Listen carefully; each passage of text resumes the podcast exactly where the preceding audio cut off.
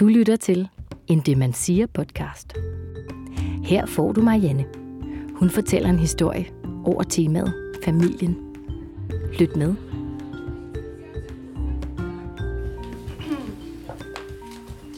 Har I nogensinde øh, tænkt over, at I var børn, om I måske var forbyttet? om I i virkeligheden var landet i den rigtige familie?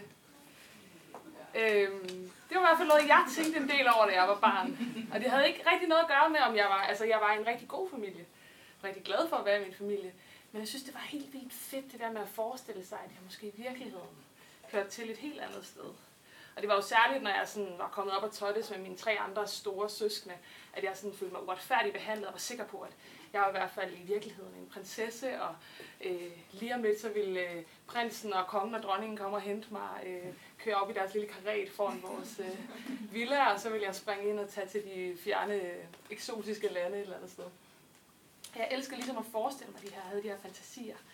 Øhm, og da jeg så blev sådan lidt ældre, øhm, så var det ligesom om, det begyndte at tage en lille smule overhånd. Det der med at forestille sig, øh, hvem ens, sådan begynder at tænke, hvad, hvem er mine forældre egentlig? Og kan man egentlig helt stole på, at de er dem, de udgiver sig for at være?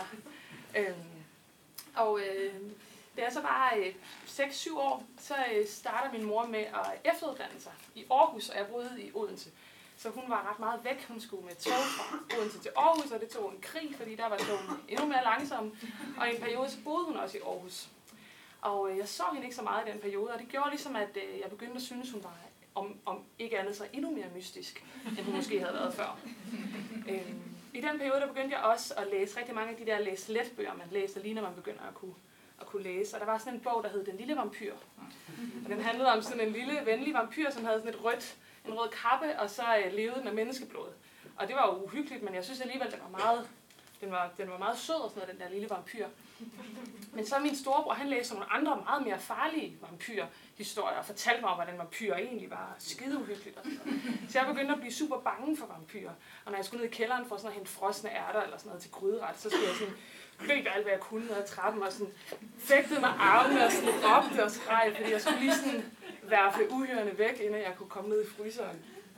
Øh, og jo mere min mor var i Aarhus, jo mere begyndte jeg sådan lidt at tænke på, om hun måske i virkeligheden var en vampyr. og det, det blev en stærk tro øh, i det, mit lille syvårige hoved. Også fordi min mor, hun kunne faktisk ikke øh, tåle hvidløg. Var sådan lidt, øh, og det kunne hun ikke, og hun var sådan lidt hvid i hovedet, synes jeg måske også. Der var måske også lidt af hendes tænder, og jeg fik bare kørt det helt op. Øh, jeg havde sådan en øh, barndomsveninde, som hed Iben, som øh, vi var sådan rigtig slyngveninde og gik rundt sådan her hele tiden og var øh, sådan tisket hele tiden. Øhm, og jeg fortalte hende om det her med min mor. Jeg turde slet ikke at fortælle min familie om det, og slet ikke min mor.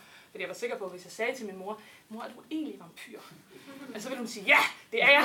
Og så ville hun springe på mig og lige halsen på mig og suge. og, øh, så jeg turde ikke fortælle hende det, men jeg fortalte det til Iben. Og Iben synes jo, at det gav fin mening, fordi hun var også sikker på, at øh, hendes familie i virkeligheden var røvere.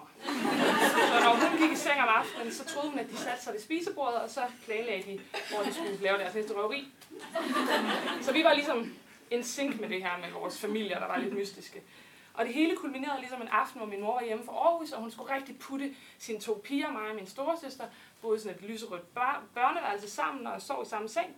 Og hun putter os og sådan sådan stopper dynen ned om os, og sådan bøjer sig frem, og så vil hun lige drille mig, sådan, I ved, så lige at sådan putte mig på halsen. Hun nærmer sig min hals, ikke?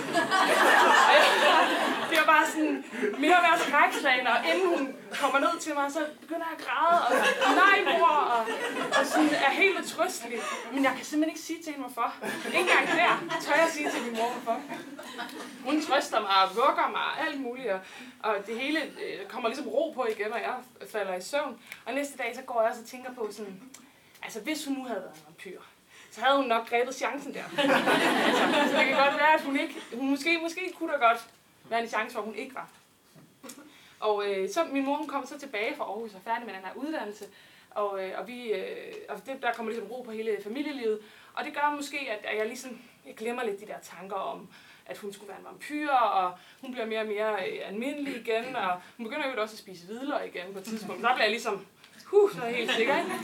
Og så senere, da jeg bliver teenager, så en eller anden aften, så fortæller jeg hende om det her. Og hun bliver jo sådan helt mollig skud. Har du troet, at jeg var en vampyr? Hvordan kunne du tro det?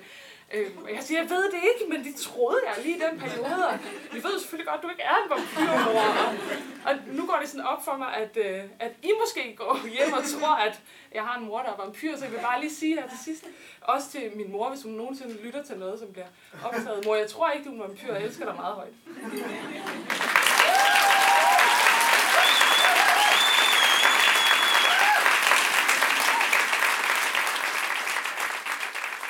Du har lyttet til en Demensia podcast fra Hørt. Find flere historier i iTunes og på hoert.dk.